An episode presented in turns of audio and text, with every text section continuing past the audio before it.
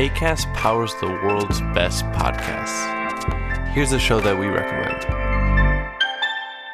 Hey guys, welcome to Giggly Squad. a place where we make fun of everything, but most importantly, ourselves. I'm Paige DeSorbo. I'm Hannah Berner. Welcome to the squad. Giggly Squad started on Summer House when we were giggling during an inappropriate time. But of course, we can't be managed. So we decided to start this podcast to continue giggling. We will make fun of pop culture news, We're watching fashion trends, pep talks where we give advice, mental health moments. and games and guests. Listen to Giggly Squad on ACAST or wherever you get your podcasts.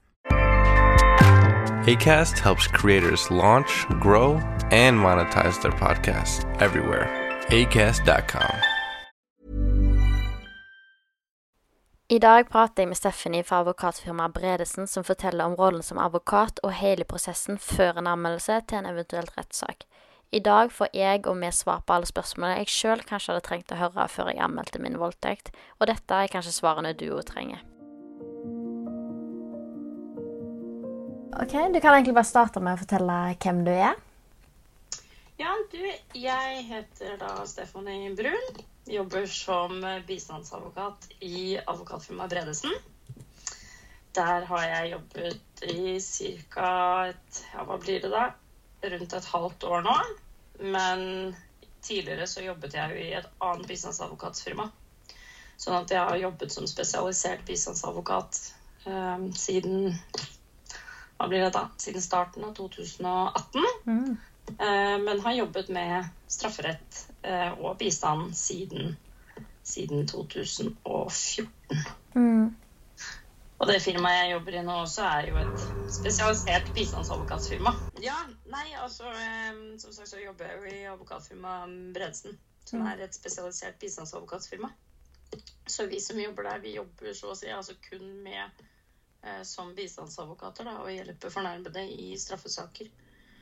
Um, og ja det,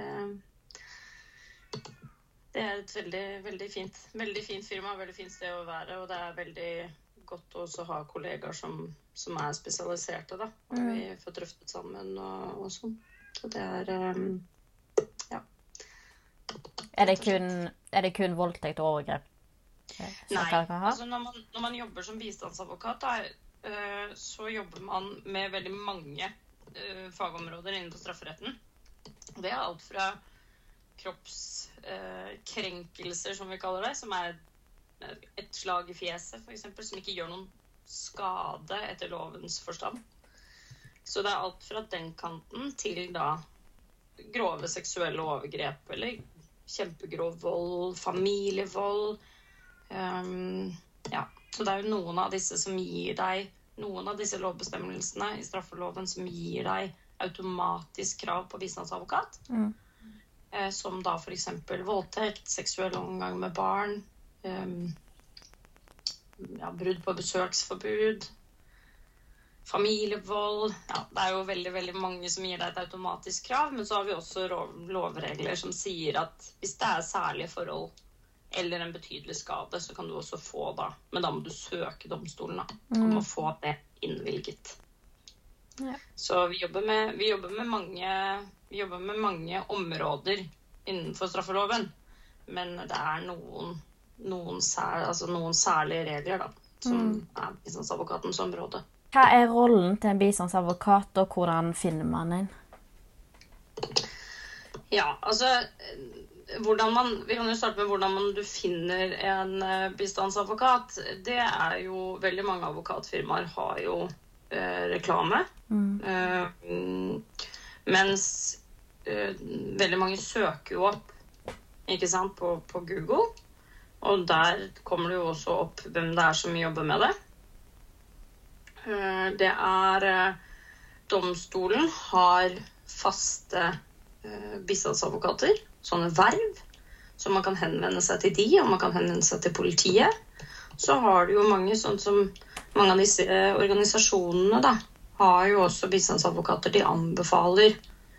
Det finnes også en hjemmeside som heter advokatenhjelperdeg.no, um, som du også kan søke opp etter da, fag, altså bistandsadvokat, og så søke hvor enn i landet du ønsker denne bistandsadvokaten.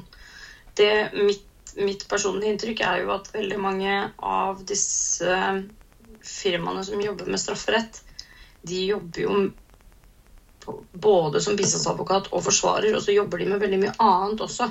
Mm. Eh, Så det blir jo mitt personlige inntrykk, da. Men, eh, men, men det er ikke så veldig mange som jobber så spesialisert som det vi gjør eh, hos oss. Mm. Eh, Men, men som sagt, søker du opp, så får du fort veldig mange som tar slike oppdrag. Og så varierer det hvor mye de jobber med det, da. Mm. Det er selvfølgelig. Men, men den rollen vi har, den, den endrer seg jo fra hvor vi er i hvor vi er enn i saken. Om vi er før en anmeldelse, eh, under en anmeldelse, etter en anmeldelse, og hva slags type sak. Fordi når du jobber som bistandsadvokat, så kan du jo være bistandsadvokat i en etterforskningssak som anmeldes til politiet. F.eks. da i en voldtektssak. Mm. Men du kan også være De kaller det jo bistandsadvokat, eh, hvor man også hjelper mennesker som f.eks. har vært utsatt for en kroppskrenkelse eller en kroppsskade, Mm. til å skrive erstatningskrav som sendes inn til politiet. For det får du også dekket av det offentlige. Så hvis du hadde vært utsatt for eh, ja, vold på byen, da, og blitt, eh, blitt eh, slått eh, og brukket nesa, f.eks., og den, hadde den saken vært anmeldt til politiet, så hadde du hatt rett på å få hjelp av f.eks. meg til å skrive et erstatningskrav som sendes inn til politiet. Som politiet da tar med i, eh, i en eventuelt rettssak. Og det erstatningskravet det vil jo bli liggende i politidokumentene, som igjen vil da bli oversendt til f.eks. Kontoret for voldsoffererstatning hvis man søker erstatning dit. For da er det jo et krav om en anmeldelse til politiet Mm. for at du får søke å få innvilgelse der, da. Og, og så har du jo rollen vår Altså, rollen forandrer seg jo, som sagt, men, men rollen vi har når en anmeldelse er gitt inn, og vi er i, er i den prosessen av en etterforskning, så vil det jo være um, Nå gjør jo bistandsadvokatiet gjør det jo på, på, på forskjellig måte. Mm. Jeg kan snakke om hvordan vi, vi gjør det. Og det er at vi, vi bistår jo med anmeldelsen. Og så sender vi den inn etter klient har lest gjennom og godkjent den. Og så er vi jo i gang med et avhør. Eh, blir kalt inn til det. Og da har jo vi en rolle i under avhøret. Som er å passe på at da den fornærmedes rettigheter blir ivaretatt. Eh, og at den informasjonen som er nødvendig at kommer frem, kommer frem. Og at, og at ting blir gjort som de skal. Da. Og så under etterforskningen så, må vi jo, så hjelper vi jo til å passe på at etterforskningsskritt blir bedt om. eh, Og at de blir gjennomført. eh, Og at ikke det blir manglende informasjon i saken. Vi bistår jo også da med å sende inn erstatningskrav. Vi henter inn helsedokumentasjon hvis det er nødvendig. Henter inn dokumentasjon fra andre instanser som anses som relevante. Har tett kontakt med politiet. Følger opp at de har fremgang i saken. Um, og noe vi er uh, veldig opptatt av, er jo at det, det, er, det er vondt å vente på at det skjer noen ting. Og det er knappe ressurser i politiet. Uh, Men da uh, Det vi gjør da, er at hvis vi får tilbakesvar av at vi har ikke nok mennesker til å ta saken, vi, eh, vi, eh, vi har ikke tid til å se på det før om fire måneder, det er ikke det er ikke Det blir kanskje feil å si godt nok, da. Mm. Men da pleier vi å sende det som heter en sikring av fremdrift, som er brev til statsadvokaten som er over påtalemyndigheten igjen, da, til uh, hvor vi ber om at de må si fra, litt forenklet, da, til politiet at dere må prioritere dette. Og da går det jo gjerne sakene litt fortere. Eh, og, um, og ellers så er det jo dette erstatningskravet som, som sendes inn underveis. Og så vil det jo være, da, og det kommer vi sikkert litt mer inn på senere, men, eh, men, eh, men når en sak er ferdig etterforsket, så vil jo den saken sendes over til, politi, til en politiadvokat. Mm. Og den politiadvokaten bestemmer jo utfallet etter å ha gjennomgått dokumentene. Om det blir øh, henleggelse, eller om det blir en tiltale. En tiltale er jo da status på den du har anmeldt, og det betyr jo at det da blir en rettssak. Mm. Og, og ved, en, ved en henleggelse så vil jo vår rolle også være å bistå til å eventuelt klage på den hvis det skulle være ønskelig da, fra klientens uh, side. Sånn at eh, det er, det er, da har man en tre ukers klagefrist Mm. som vi da bistår med. Ja. Eh, kan man velge advokat sjøl? Ja, det eh, kan man. Det er Vi har en regel som heter at det er et fritt advokatvalg. Som gjør at du kan velge hvilken som helst advokat hvor enn i landet du måtte ønske. Eh, og, og det kan du gjøre på ethvert trinn av, av saken. Ja. Eh, Så det er ikke noe begrensninger eh, på. Det skjer ofte, erfarer vi. Um, Det er jo en del som, som ønsker et spesialisert firma. Så vi legger jo merke til at eh, det, det, skjer, det skjer, noen, skjer noen bytter, da. Mm. Kan skje Ja. bytter. Og det vi Ja, vi, opp, vi opplever Vi får en del, en del bytter til oss, da. Mm. Litt ut fra hva slags firma vi er. ja. Eh, kan man kontakte en bistandsadvokat uten å ha anmeldt, eller må man ha anmeldt? Nei, man må ikke ha anmeldt, og det er jo en veldig fin rettighet man har, da. Det er jo det vi kaller en anmeldelsesvurdering.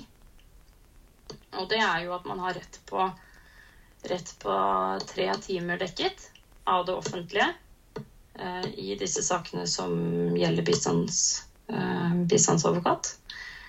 Så eh, vil du kunne kontakte en advokat og få en vurdering av saken din. Hvor vi går gjennom hva det er som har skjedd, bevisbildet, altså er det vitner, er det noe dokumentasjon. Så gir vi en, en skriftlig vurdering tilbake igjen til eh, klienten da, som ringer. Og så kan klienten ut ifra det velge om man ønsker å ta det videre til en anmeldelse, eller om man da eh, ikke ønsker å gjøre noe med det. Og noen straffesaker nå også vil jo ikke ting foreldes, slik at det er jo noen som ønsker å vente litt også. Mm. Men det er jo selvfølgelig alltid sånn bevisbildemessig lurt å anmelde Mm. tidligere. Men har advokaten taushetsplikt, sånn at han, at han på en måte, Noen kan jo være redd for at det på en måte blir anmeldt uten at eh, du ønsker det sjøl. Ja, vi er underlagt et veldig, altså veldig strengt regelverk for taushetsplikten vår. Vi har ikke, for å gjøre et praktisk eksempel, hvis noen ringer oss og sier jeg hører at du er bistandsadvokaten til sak, jeg, jeg har ikke lov til å avkrefte eller bekrefte engang Mm. om den personen er min klient. Og, og siden du nevner dette her med liksom redd for at noen anmelder uh, uten at de vil, Mm. det skjer Det har jeg ikke noe erfaring med sånn sett, men det er et visst unntak som sier at er det fare for liv og helse. Men det er et veldig, veldig, veldig snevert unntak. Jeg kan tenke meg at det kan skje hvis det gjelder barn som ikke kan snakke på sine egne vegne. Mm. Jeg skjønner. Så det, man skal ikke være redd for at den informasjonen du gir til en advokat, den skal man ikke være redd for at går ut noe sted, for det skal den ikke. Det er straffbart for oss. Vi får ikke lov til å jobbe som som, eh, som advokater, da. Mm. Da blir vi fratatt bevilgningen vår. Eller en stor, stor sjanse for å bli fratatt bevilgningen. Em, så hvordan anmelder man en sak, og hvordan foregår liksom hele prosessen med en anmeldelse? Ja, det er jo litt som jeg nevnte i sted, at du, du, det er jo flere måter å gjøre det på. Mm. Men, men, for man kan jo selvfølgelig gå på politivakten og anmelde det selv. Men gjennom en bistandsadvokat så kontakter du en bistandsadvokat. Og som jeg nevnte i sted også, så er det jo, eh, jobber jo bistandsadvokater forskjellig. Mm. Men vi, det vi gjør i hvert fall, er at vi har en tett og god dialog med klienten vår. hvor vi går gjennom hva som har skjedd. Og så er det jo vi som utformer det en, en kortere anmeldelse, for det er jo klienten selv som skal på en måte forklare seg et avhør, men vi gir essensen av hva det er som har skjedd. Eh, skriver da den anmeldelsen som klienten får lov til å lese gjennom, og så sender vi den til politiet. Og så kontakter politiet oss da for et avhør. Mm. Som, eh, som vi da blir med i. Mm. Sånn at eh, hele den Den er veldig den er veldig enkel, den prosessen med å gi en anmeldelse sånn i utgangspunktet. Og så vil man jo kalle det av, første avhøret kalles jo gjerne anmeldelse. Fordi det er en utfyllende og mer detaljert forklaring, da. Mm. Eh, nå nevnte du avhør eh, nå nettopp, men er det sånn man kan velge om bistandsadvokaten skal være med, eller Ja. ikke? Ja, du må ikke ha med deg bistandsadvokat, men det er en rett man har, da. Mm. Eh, så det er eh, Så det Man må absolutt, eh, absolutt ikke ha det med. Du har jo også lov til å ha med en tiltroperson i avhøret. Eh, altså en støtteperson. Eh, som ikke er jurist, men en venn eller venninne eller eh, familie. Så lenge de ikke er et eh, potensielt vitne i saken. Da. Ikke har noe med saken å gjøre. Mm. Men du kan helt klart velge om du vil ha en eh, bistandsadvokat der eller ikke. Det kan du Mm. de fleste erfaringsmessig ønsker jo å ha oss med. Men vi kan enten være med fysisk, men vi kan også være med på, være med på telefon. Og det opplever vi også veldig ofte at folk syns er veldig ålreit. Um, så for vi, vi, vi er med en del over telefon fordi vårt firma jobber over hele Norge. Mm. Så vi har alt fra helt nord til helt sør mm, av saken. Skjønner. Mm. Eh, hva skjer etter man har inngitt en anmeldelse? Etter man har inngitt en anmeldelse, så er det som nevnt at man blir kalt inn til et avhør. Um, hvor man møter opp på politistasjonen, hvor man gir da sin forklaring og leser gjennom den, for den blir skrevet ned i en rapport, og som man godkjenner. Og etter det så starter jo etterforskningen. Og etterforskningen går jo i Altså etterforskerne legger en som kalles en etterforskningsplan. Og den, ikke, den får jo ikke vi på en måte bestemme, for det er det jo politiet som gjør. Men vi kan jo komme med innspill til hva vi mener at burde gjøres. Men da er det jo typisk at de snakker med vitner, de innhenter helsedokumentasjon, barnevernsdokumentasjon, andre instanser man har vært i kontakt med, som kan si noe om forholdet. Eh, De kan sikre telefoner hvis det er av relevanse. Hvis det er tatt noen bilder eller videoer eller tekstmeldinger. Videoovervåkning, teledata. Altså de gjør alle disse tingene, og så snakker de jo også med anmeldte. Mm. Um, Det er jo det som da skjer, skjer på etterforskningsstadiet rett etter en anmeldelse og et avhør. Det blir jo gangen i det, og når de er ferdig med det, så går saken da over til en politiadvokat. Um, mange saker i dag det henlegges jo. Hva tror du er grunnen til det? Jeg vil tørre å påstå at den, den største grunnen for disse henleggelsene er jo bevisstillingen i saken. Eh, fordi i mange saker så er det ord mot ord. Mm. Eh, og vi har ikke noe Vi har ikke noe annet å gå på enn hva den ene sa og den andre sa. Og det vil ikke være med å oppfylle det strenge beviskravet vi har i strafferetten i dag, da. Mm. Ehm, og så vil det jo være så vil det jo være f.eks. dette med ja, altså I dette med bevisbildet, da, men DNA. Og det er jo så viktig, og det kommer vi sikkert litt inn på også, men det er jo så viktig at uh, utsettes man for et seksuelt overgrep, da, så er det jo kjempeviktig raskest mulig å komme seg til et overgrepsmottak. En legevakt. Der må du ikke bestille noe time eller noe. Du kan bare reise til overgrepsmottaket. For da får man sikret spor. Um, men, men, men ja, henleggelse er, er for størstedelen bevissituasjonen. At man har ikke en nok bevis til å kunne bevise at den handlingen har skjedd. Og så vil det jo være så vil det jo være det at eh, mange saker eh, anmeldes sent. Mm. Og da vil jo igjen bevisene da være det som kanskje mangler fordi det er så lenge siden det har skjedd. Mm. At Det- det vil være for lite bevis å kunne sikre.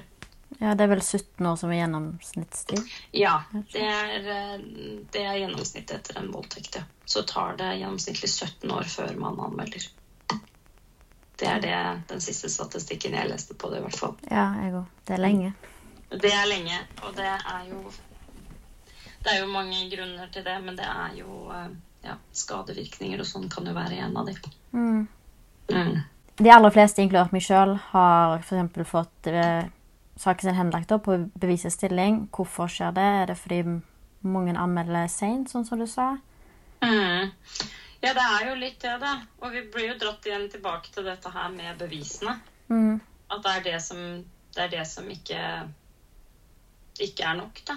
Mm. Og da blir det jo igjen også når du nevner dette her med for sent. Um, og det er, det er jo mange grunner til at man anmelder senere enn rett etterpå. Mm. Det er jo veldig mange, men det også kan spille inn på bevissituasjonen. Og det å anmelde sent og gjør jo f.eks. at vitnet kanskje ikke husker like godt hva som skjedde den kvelden, eller hvor full han eller hun var. Mm. Um, så, så ja, så det å anmelde for sent, det, det vil kunne ha en innvirkning på bevisene. Og derfor blir det jo bevisets stilling. Og det som er med bevisets stilling, det er jo at um, at det betyr jo ikke at det ikke har skjedd. Mm. Ikke sant? Jeg tror det er det mange forveksler det med. Og det tror Ja. jeg at jeg gjorde sjøl under saken min ble henlagt. Og det var derfor jeg begynte å slite så psykisk i etterkant. Fordi at eh, jeg ikke Ja. følte meg trodd.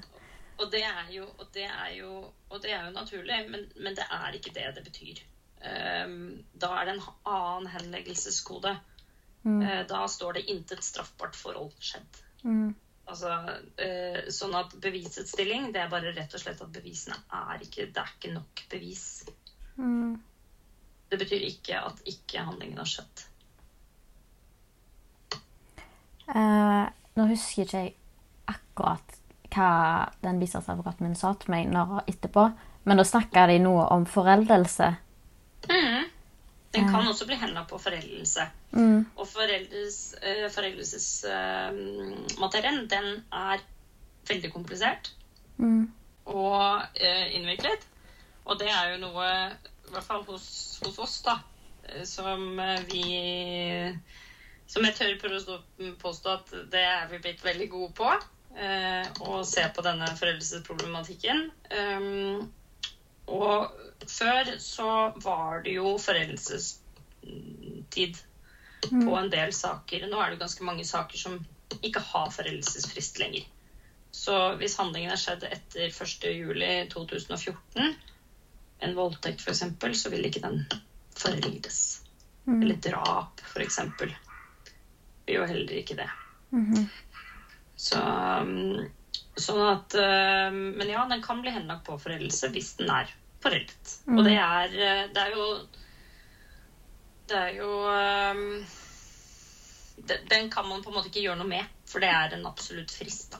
Mm. Mm. Skjønner. Hvis det var svar på, svar på spørsmålet. Ja.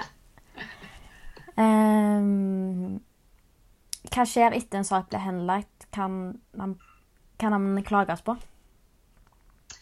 Ja, det kan den, som jeg nevnte i sted. Når den henlegges, så har du tre uker. Eh, Og hvis det er sånn at man trenger å hente inn mer informasjon og sånn, så sender vi inn fristavbrytende klager. Mm. Eh, Og så henter vi inn informasjonen, og så skriver vi ytterligere kommentarer til den klagen som allerede er sendt inn. Mm. Men det har du rett på. Og, og da vil politiet gjøre en vurdering av klagen. Hvis politiet opprettholder henleggelsen, så sendes den jo til statsadvokaten. Og vi opplever, vi har opplevd flere ganger at, uh, at vi klager på henleggelser politiet gjør. At den da blir opprettholdt og sendt til statsadvokaten, som faktisk tar ut tiltale, det blir en rettssak og en domfellelse. Så det er, det er det er, det er Jeg mener det er viktig å ha en bistandsadvokat i disse sakene. Som kan ivareta disse rettighetene og ser de argumentene og ser det man kan, kan spille på i en henleggelse. Eller kan, må trekke frem da, i en klage på en henleggelse. For det, opp, det opplever vi titt og ofte at den omgjøres. Mm. Eh, hva skjer hvis saken går videre til en rettssak? Ja, da blir det jo Når politiadvokaten har sett på saken og sett på bevisene, så blir det jo tatt ut det som kalles en tiltale. Og det er jo da staten som tiltaler anmeldte. Mm. Og da blir det jo da en, en rettssak. Eh, Og det som skjer da, er at eh, politiadvokaten eller statsadvokaten, det kommer an på hva slags sak det gjelder, skriver denne tiltalen og sender den over til domstolen og ber om det vi kaller en bramming. Altså setter av datoer for hovedforhandlingen, Mm. som er rettssaken. Eh, og det, det vi gjør da, eh, som bistandsadvokater i den situasjonen, er at vi vil gå fra en rolle til å være i etterforskningsstadiet og bistå der, til å eh, begynne å forberede en rettssak. Og en bistandsadvokat i en rettssak og rollen der er jo selvfølgelig å ivareta fornærmede gjennom den prosessen, for den er tung. Mm. Eh, og gjerne vi, vi, tilbyr, eh, vi tilbyr også eh, å kunne på en måte ta en tur innom, innom domstolen for å se hvordan det ser ut. Vi har møter i forkant, vi tegner opp hvordan rettssalene ser ut, forklarer hvem alle aktørene er, og alt dette. Og så er det jo en stor oppgave som, bevis, nei, som bistandsadvokaten har, og det er jo erstatningskravet til den fornærmede. Mm. Fordi du har, når du er utsatt for en gitt Altså noen visse bestemmelser da, som er i straffeloven, så har du et automatisk krav på oppreisning i en domfellelse. For vi har jo veldig mange forskjellige typer erstatninger. Mm. Men oppreisning er en, eh, er en engangsutbetaling for, eh, for eh, et ikke-økonomisk tap, da.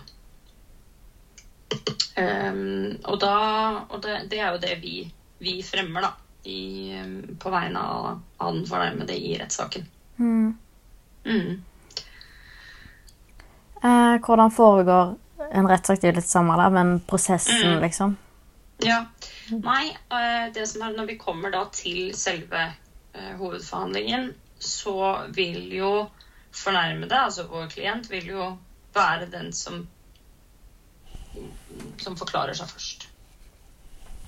Eh, og i en, i en, i en hovedforhandling så, så sitter det tre dommere. Eh, dommeren som sitter i midten, er jurist, men valgte da retning dommer etter studiet, eller i løpet av sin yrkeskarriere. Og de to ved siden av, det er meddommere. De er lærere, selvstendig næringsdrivende Ja. De kan være hva som helst. Mm. Og det er alltid én mann og én dame. Og så, eh, på den ene siden, så sitter det en aktor. Det er fra politiet. Det er de som skal bevise skyld i saken. Og så har du da eh, Ved siden av der igjen så sitter jo bistandsadvokaten. Og ved siden av oss igjen så sitter klienten. Hvis klienten ønsker det. Hvis den fornærmede ønsker det. På andre siden av rommet så sitter det en forsvarer som representerer den tiltalte, altså den fornærmede anmeldte. Og i midten der så er det det vi kaller en vitneboks, hvor man sitter og forklarer seg når man avgir sin forklaring. Og en fornærmet har jo muligheten til når eh, når hun eller han har avgitt sin forklaring, så trenger ikke fornærmede å være der lenger. Mhm. Og det folk velger litt forskjellig Mm. eh, om de ønsker å være der eller ikke. Men man vet jo at det er, det er tungt å være der. Det er tungt å sitte og høre på hva som kommer frem også. Mm. Eh, men det er i hvert fall greit å vite at man har ikke noe plikt til å være der etter man har avgitt en forklaring. Eh, I motsetning til eh, tiltalte. Tiltalte må være der og følge saken. Selvfølgelig, det fins jo unntaksregler, men Mm. så er det jo mange som er Og det kan jo være greit å si at det er jo veldig mange som, som syns det er skummelt å eventuelt skulle møte anmeldte i en, i en, i en rettssak. Og bare før jeg går inn på det, så syns jeg også det er greit å vite, for jeg opplever at veldig mange er redd for at man skal møte anmeldte når de skal inn i en sak til politiet. Mm. Og det gjør man ikke. Det er ikke sånn at man sitter og avgir noen forklaring hos politiet sammen med den anmeldte. Eller møter på den anmeldte der, i den prosessen. Og så har du da at eh, i utgangspunktet, ja, så har jo den anmeldte, eller tiltalte som han eller hun heter nå, da, eh, rett til å være i, i salen når fornærmede avgir en forklaring. Men det fins jo unntak fra det, hvor vi kan begjære at den tiltalte forlater salen når fornærmede forklarer seg. Og det er fordi man er redd for at den fornærmede ikke greier å gi det vi kaller en uforbeholden forklaring når, eh, når de skal eh, Ja, når de skal forklare seg for retten, Mm. rett og slett. Hvordan sånn eh, når Si jeg hadde anmeldt det og skulle vært i rettssaken. Hvordan foregår det når jeg skal på en måte forklare hva som har skjedd? Ja, det som er at du vil jo få beskjed om å Enten av meg eller av dommer om å bli Altså gå til vitneboksen. Veldig sånn basic, så, så vil du få beskjed om å gi litt navn og fødselsdato og litt sånn. Men selve forklaringsprosessen, den også er det jo veldig individuelt hvordan noen dommere gjør. For det er jo dommeren som på en måte styrer saken. Mm. Men som oftest så eh, gir dommeren ordet til politiadvokaten, altså til aktor, Mm. som er fra påtalemyndigheten. Og da vil da vil, eh, da vil eh, politiadvokaten starte med å, å, å stille spørsmål. Typ for eksempel, kunne ikke du egentlig bare begynt å forklare deg fra, litt, fra starten av dagen? Hva gjorde du den dagen? Mm. Og så vil du da bli satt i gang til å gi en forklaring. Og så vil det jo komme oppfølgingsspørsmål, ikke sant? For det er visse ting som må belyses mer. Mm. Og så vil jo da forsvarer også få muligheten til å eh, stille spørsmål. Og jeg, eller bistandsadvokaten, da, vil Mm. få mulighet til å stille spørsmål, og dommerne har mulighet til det. Mm. Uh, Kim har rett på erstatning. Ja. Det er jo et veldig vidt, vidt, vidt, vidt spørsmål. Det er jo eh, mange som har rett på erstatning. Ja. Eh, Og det er jo eh, Det er jo som jeg nevnte i sted, så er det jo denne oppreisningserstatningen. Den er det jo en, en Den er det jo en viss gruppe, på en måte, eller visse straffebestemmelser, da, som gir rett på det ved en domfellelse. F.eks. voldtekt, familievold. Og så er det Ja, det er en lang rekke sånn seksuell omgang med barn, seksuell handling med barn under 16 eller 14 er det vel, gir jo også. Så det er veldig mange bestemmelser som sier at hvis du er utsatt for dette, så skal du få en oppreisning. Mm. Og så har vi jo en øh, kjempe... Altså det er jo mange typer erstatninger. Vi har menerstatninger, vi har inntektstap, vi har fremtidig inntektstap, vi har utgiftsdekning. Så det vil jo også være den som på en måte har fått en skade, da, fysisk eller psykisk, man kan dokumentere og bevise det Mm. innenfor da veldig mange. Men det er jo de som er utsatt for visse typer straffbare handlinger, da. Mm. Også da eksempel mm, vold på byen med brukket nese. Mm. Mm. Eh, hvordan søker man om erstatning? Eh, det er jo litt forskjellig, da. Altså, du vil jo på en måte anmode eller mm, kreve et erstatningskrav f.eks. i en straffesak som vi bistår med. Da gjøres jo det under etterforskningen og eventuelt for- overfor en domstol. Har du ikke rett på bistandsadvokat, og du er en fornærmet i en f.eks. en voldssak hvor du ikke får automatisk bistandsadvokat, så vil det jo være å si ifra til politiet da. Da skal du få et spørsmål om du ønsker erstatning tatt med i saken, og da skal politiet, hvis du svarer ja på det, så skal politiet fremme det for deg i en hovedforhandling hvis det blir det. Mm. Og ellers så vil du jo ha det som heter vold, altså Kontoret for voldsoffererstatning. Mm. Og de som er utsatt for, for eh, vold eller seksuelle overgrep, har rett på å søke. Hvis man har anmeldt. Mm. Det er jo et vilkår. Eh, hvor lang tid tar det før man får svar? På voldsoffererstatningen Ja. Ja, de har jo hatt en, eh, en, eh, en ganske stor endring som kom nå i januar. Mm. Um, og de ligger vel på nå For det er veldig forskjellig, da. Hvis vi starter der, der De skiller på saksbehandlingstiden sin på søknader før 1.1.2023 og etter Mm. 2023. Så det er kortere saksbehandlingstid på de etter 2023. På det nye lovverket, da er det kortere saksbehandlingstid. Der tror jeg hvis du har en dom Mm. som du sender inn til de med søknaden din, så tror jeg de sier vel på fem eller seks uker. Mm. Mm. Og så er det vel På de hvor det ikke er dom, er det vel nå mellom fem-seks måneder. Og det er hvis du har søkt etter 1.1.2023. Mm. Situasjonen er jo helt annerledes, dessverre, for de som søkte før 2023. Mm.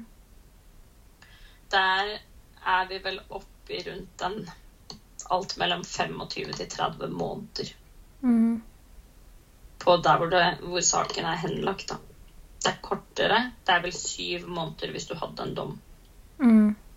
Mm. Eller en påvisning av en skyld, kaller de det. Eh, eh, hvordan skal jeg spørre om det? Eh, hvor får man svar på det? Er det bistandsadvokaten skal gi deg svar på det, eller får du et brev, eller? På, overfor Kontoret for voldsoffererstatning. Ja. Ja. Der har det jo vært en, en eh, igjen en endring hvor eh, staten har bestemt at man dessverre ikke får hjelp av bistandsadvokat lenger.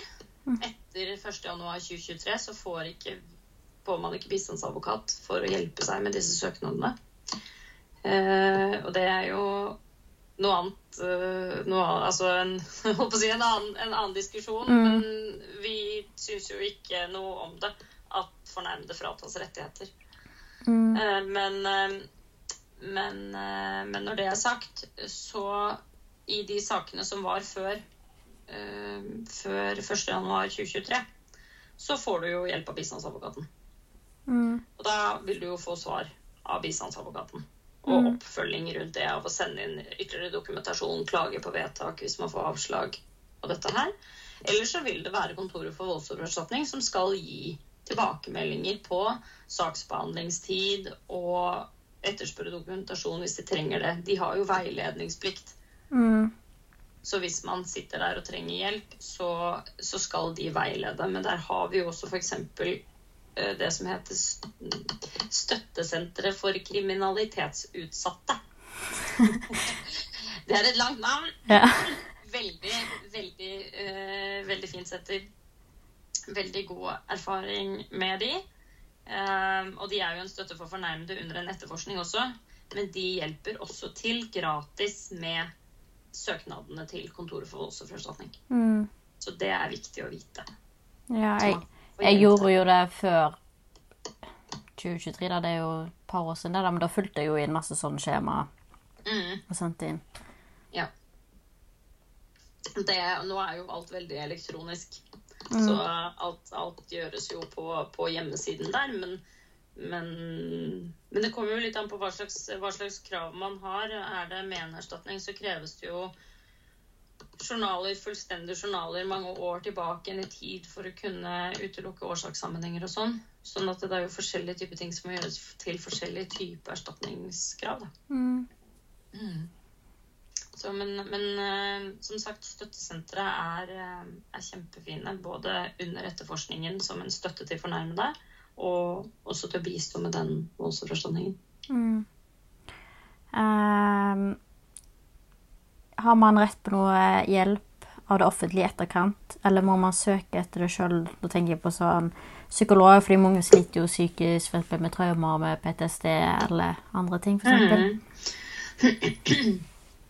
Altså eh, Det er jo på en måte helse, helsesektoren, da, men, men sånn som med psykolog og disse tingene, der vil det jo være fastlegen Mm. som henviser, eh, og som kan gi veiledning på det. Og veldig mange henviser jo til DPS. Mm. Eh, Og der er det jo eh, selvfølgelig noen krav for å få, for å få plass, men, men, men det er jo Ja, det er fastlegen da som henviser. Men man har jo veldig mange av disse organisasjonene, da, ikke sant? Sånne stiftelser og sånn. Eh, Vi tror er, vi tror er stiftelsen Dixie, Utsatt mann, støttesenter for kriminalitetsutsatte. Mange får jo veldig god oppfølging av overgrepsmottaket. Mm. Um, ja, det er jo veldig mange av disse som, Mm. eh, som hjelper til. Eh, hvis noen som lytter på i dag, har opplevd eller opplever et overgrep, hva gjør man da? Ja, eh, og det er som jeg nevnte i sted, at eh, opplever du et overgrep i dag, så eh, oppfordrer jeg sterkt til å ta kontakt med overgrepsmottaket. For de får sikret bevisene og sikret sporprøver. De tar blodprøver, urinprøver og alt det som trengs for å kunne sikre de tingene som kan påvise DNA. da. Mm. Eh, og bilder av eventuelle skader og sånn. Og er det sånn at man sitter i en situasjon hvor ting har skjedd akkurat nå, da, hvis man opplever det på en måte akkurat nå, er også ringe politiet i tillegg. Mm. Sånn at man rett og slett kommer tidligst i gang med å få sikret bevis. Fordi det er det som er vanskelig. Mm. Og det er også selvfølgelig ta screenshots. Og jeg vet at mange syns det kan være vanskelig hvis ting er på Snap. Mm. Og da er min anbefaling at man får en venn eller venninne eller familie til å ta et bilde av eventuelt det som står på Snap, slik at personen ikke ser at du tar en screenshot. Mm. Ha vitner til stede. Eh, hvis det ringer en telefon, og du vil ha et vitne på at den telefonsamtalen har funnet sted, eller hva som har blitt sagt, rett og slett sikre bevis da, der man kan gjøre det. Um, og ikke bare for en selv også, men, men som en venn eller venninne, da. Være når man er på fest, være oppmerksom på omgivelsene sine rundt seg. Passe på hverandre, at, eh, at alle har det bra. Mm. Og, og også være, være oppmerksom da på, hva som, på hva som skjer, og bite seg merke i ting som kanskje er utenom det vanlige. Mm. Men absolutt, overgrepsmottak og politiet er de første man burde ta kontakt med etter et overgrep. Mm. Men sånn overgrepsmottaket, er det liksom det samme som legevakten? Sånn som Ja. her der jeg bor, så har vi ikke et over... Ja. Ja, det, det, er, det er legevakten, og man finner, man finner oversikt over alle overgrepsmottakene i Norge på nettet. Mm. Så det er noe man på en måte kan orientere seg litt om, da. Eh, hvis, man, hvis man ønsker det. Det er mange som går til overgrepsmottaket lenge etterpå også. Mm. Eh, da vil det jo selvfølgelig være en mindre sjanse for å få sikret noe bevis og noe DNA. Men, men det er veldig mange som gjør det for å få Altså, det er, det er en støtte, det er samtaler, det er oppfølging. Så veldig, veldig bra. Mm. Det er veldig fint. Så men ja, legevakten. Mm. Det er det. Det var kanskje greit å vite for de som bor på litt sånn små steder, at det, Ja, Det er absolutt. Sånn at det er jo eh, Det er jo eh, Det er eh, lurt å vite hvor man skal henvende seg hen. mm. Vi snakker jo hele tida om at en endring må skje. Det er ofte sånn i mediebildet og sånt. da. Vi sier det, eller Ja, blant folk man snakker om det. Eh, hva tror du den endringen er? For eksempel systemet, samtykkelov og diverse. Ja, det er jo et veldig Det er jo et stort spørsmål. Veldig politisk eh, stort spørsmål, da. Eh, men eh, ikke noe sånn det, Så det vil jo alltid være veldig positivt å kunne eh, Kunne ha bedre forebyggende, selvfølgelig. Mm. Altså samtaler på skolen, undervisning om systemet. Rett og slett ja, forebyggende, da. Og, og lære bort sånn til for spesielt ungdommen, da. Mm. Eh, og se på de tingene. Men, men det er et eh, Det er et godt system rundt rettighetene til en fornærmet som per nå, da.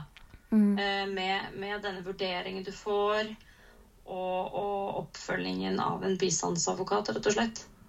Eh, men det er jo som sagt, som du sier også, det er et veldig stort spørsmål. Så det kommer jo an Mm. på hva eh, En endring må skje, ok, men, men hvor spesifikt eh, Altså hvor, hvor hen i området, på en måte? Snakker vi da kun fornærmede eller hele strafferettssystemet vårt? ikke sant? Ja. Sånn at, eh, sånn at Men absolutt forebyggende og kunnskap, da. Mm. Jeg er helt enig. Og, og altså, skal ikke så mange år tilbake i tid der jeg sjøl ikke visste hva voldtekt var. Altså, når det skjedde med meg, så visste jeg jo ikke hva det var engang. Mm, mm, helt klart. Så, så undervisning på skolen, eh, det, det hadde vært veldig nyttig. For det, da tror jeg mange hadde visst, eh, ja, visst hva som var greit og ikke greit, og hva, hva sier man ifra om, på en måte. Og hvor, hvor går man hen, da? Det er ikke så lett for unge mennesker å alltid vite helt hvordan de skal ta tak i, ta tak i sånt. Nei. Det kan jo være skummelt også. Ja, det Så, så det, at de, det at de får kunnskap om det, det er viktig. Det tror jeg. mm. Og at det er lett tilgjengelig. Ja, og at det er lett tilgjengelig. Mm. Absolutt. Da har jeg egentlig gått gjennom alle spørsmålene mine. Så må jeg bare si tusen takk for at du ville stille opp. Og jeg tror du har svar på masse spørsmål som mange lurer på. Og no noen som trenger å høre dette i dag, kanskje vet hva det neste steget de trenger å gjøre er, eller hvor de kan henvende seg, hvor de kan ta kontakt. Mm. Kanskje du kan si hvor de kan kontakte dere hvis at de trenger Ja, en bistandsadvokat? absolutt. Og mm, tusen takk Sonny, at vi jeg fikk lov til å delta også. Veldig, veldig hyggelig.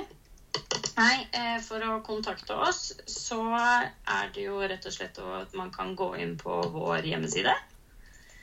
Der er det jo mulig å kontakte oss. Der har vi kontaktskjemaer. Der ligger også alle telefonnumrene våre.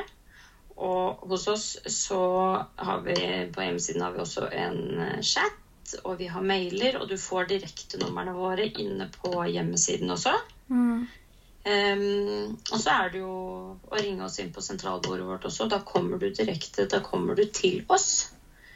Så, um, så det er bare å ringe hvis man har lyst på hjelp. Og det er jo heller ikke noe som koster noe. Det å ta en samtale med oss. Mm. Rett og slett. Nå føler jeg virkelig at jeg har fått svar på alt jeg lurte på som 18-åring som satt på politistasjonen. Jeg håper dette er en liten oppmuntring til alle de som sitter med spørsmålstegn rundt hele prosessen og viktigheten med å anmelde, for det er faktisk hjelp å finne. Enten om det er overgrepsmottaket, politiet, en bistandsadvokat eller hvem som helst.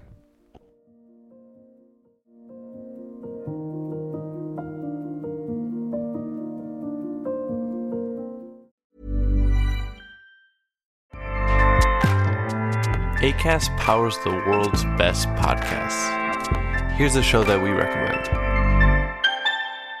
Hey guys, welcome to Giggly Squad. A place where we make fun of everything, but most importantly, ourselves. I'm Paige DeSorbo. I'm Hannah Berner. Welcome to the squad. Giggly Squad started on Summer House when we were giggling during an inappropriate time. But of course, we can't be managed. So we decided to start this podcast to continue giggling. We will make fun of pop culture news, We're watching fashion trends, pep talks where we give advice, mental health moments. and games and guests. Listen to Giggly Squad on ACAST or wherever you get your podcasts.